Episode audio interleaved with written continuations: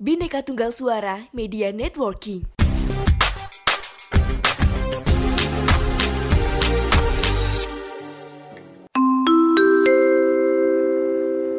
Mohon perhatian. Sekali lagi kami sampaikan, bikin podcast dengan Anchor dijamin gampang. Gak percaya? Langsung buktiin aja. Anchor, teman setia podcaster.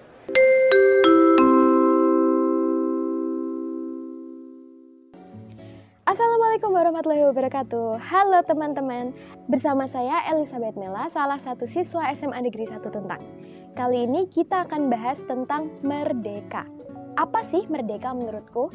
Sebelum menurutku nih Kita akan bahas merdeka menurut orang-orang dulu Kata merdeka ini sebenarnya diambil dari suatu kata berbahasa Sanskerta yaitu mahardika yang berarti kaya, sejahtera, dan kuat.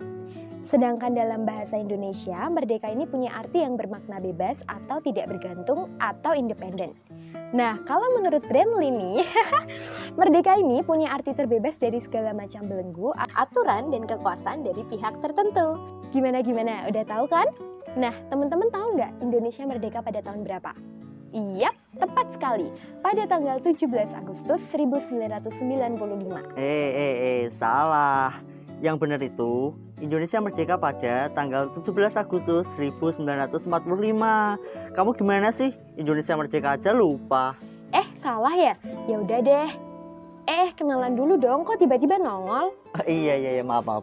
Kenalin, namaku Selo Kalindra, siswa SMAN 1 Tunang juga. Nah, teman-teman, di sini Mas Selo akan menjadi rekan pembicara kita kali ini. Nah, kita kan udah dapat rekan nih. Langsung aja menurut Mas Selo, apakah Indonesia sudah merdeka? Lah, lah, lah. Kok tiba-tiba langsung ditanyain sih? Aku dengar dari tadi, kan baru dijelasin pengertian merdeka menurut bahasa sama Brandly. Kalau menurut kamu sendiri, merdeka itu apa sih? Eh, uh, kalau merdeka menurutku sendiri itu kita bisa berdikari atau seperti yang disampaikan Pak Soekarno, berdiri di kaki sendiri. Kita terbebas dari jajahan bangsa lain. Tapi kan berdikari itu kata Pak Soekarno. Kalau menurut kamu sendiri, merdeka itu apa?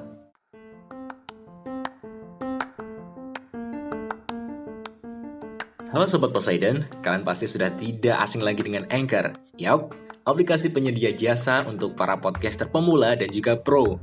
Buat kalian yang pengen mulai nge-podcast, langsung download aja Anchor di App Store ataupun di Play Store. Di sana, kalian bisa nge-podcast dengan banyak banget pilihan background musik. Setelah itu, kalian bisa mempromosikan podcast kalian ke mana pun. Secara otomatis, nanti akan di-sharekan oleh Anchor sendiri. So, tunggu apa lagi? Cus, nge-podcast bareng Anchor. Kalau menurutku sih, simpel banget. Merdeka itu bebas. Lebih tepatnya, bebas dari penjajah. Kamu setuju nggak sama pernyataanku? Ah, bebas? Emang kita bebas? Karena menurutku Indonesia sendiri saat ini masih belum sepenuhnya bebas. Hah? Maksudnya?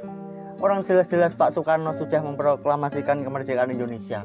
Iya, Pak Soekarno memang sudah memproklamasikan kemerdekaan Indonesia, tapi itu kan merdeka dari negara lain. Nah, gimana kalau merdeka dari bangsa sendiri? Duh, otak nggak sampai.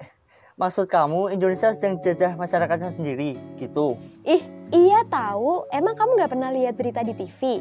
Kayak contohnya kasus-kasus korupsi yang merebak di Indonesia, perpecahan antar golongan rakyat, dan masih banyak lagi.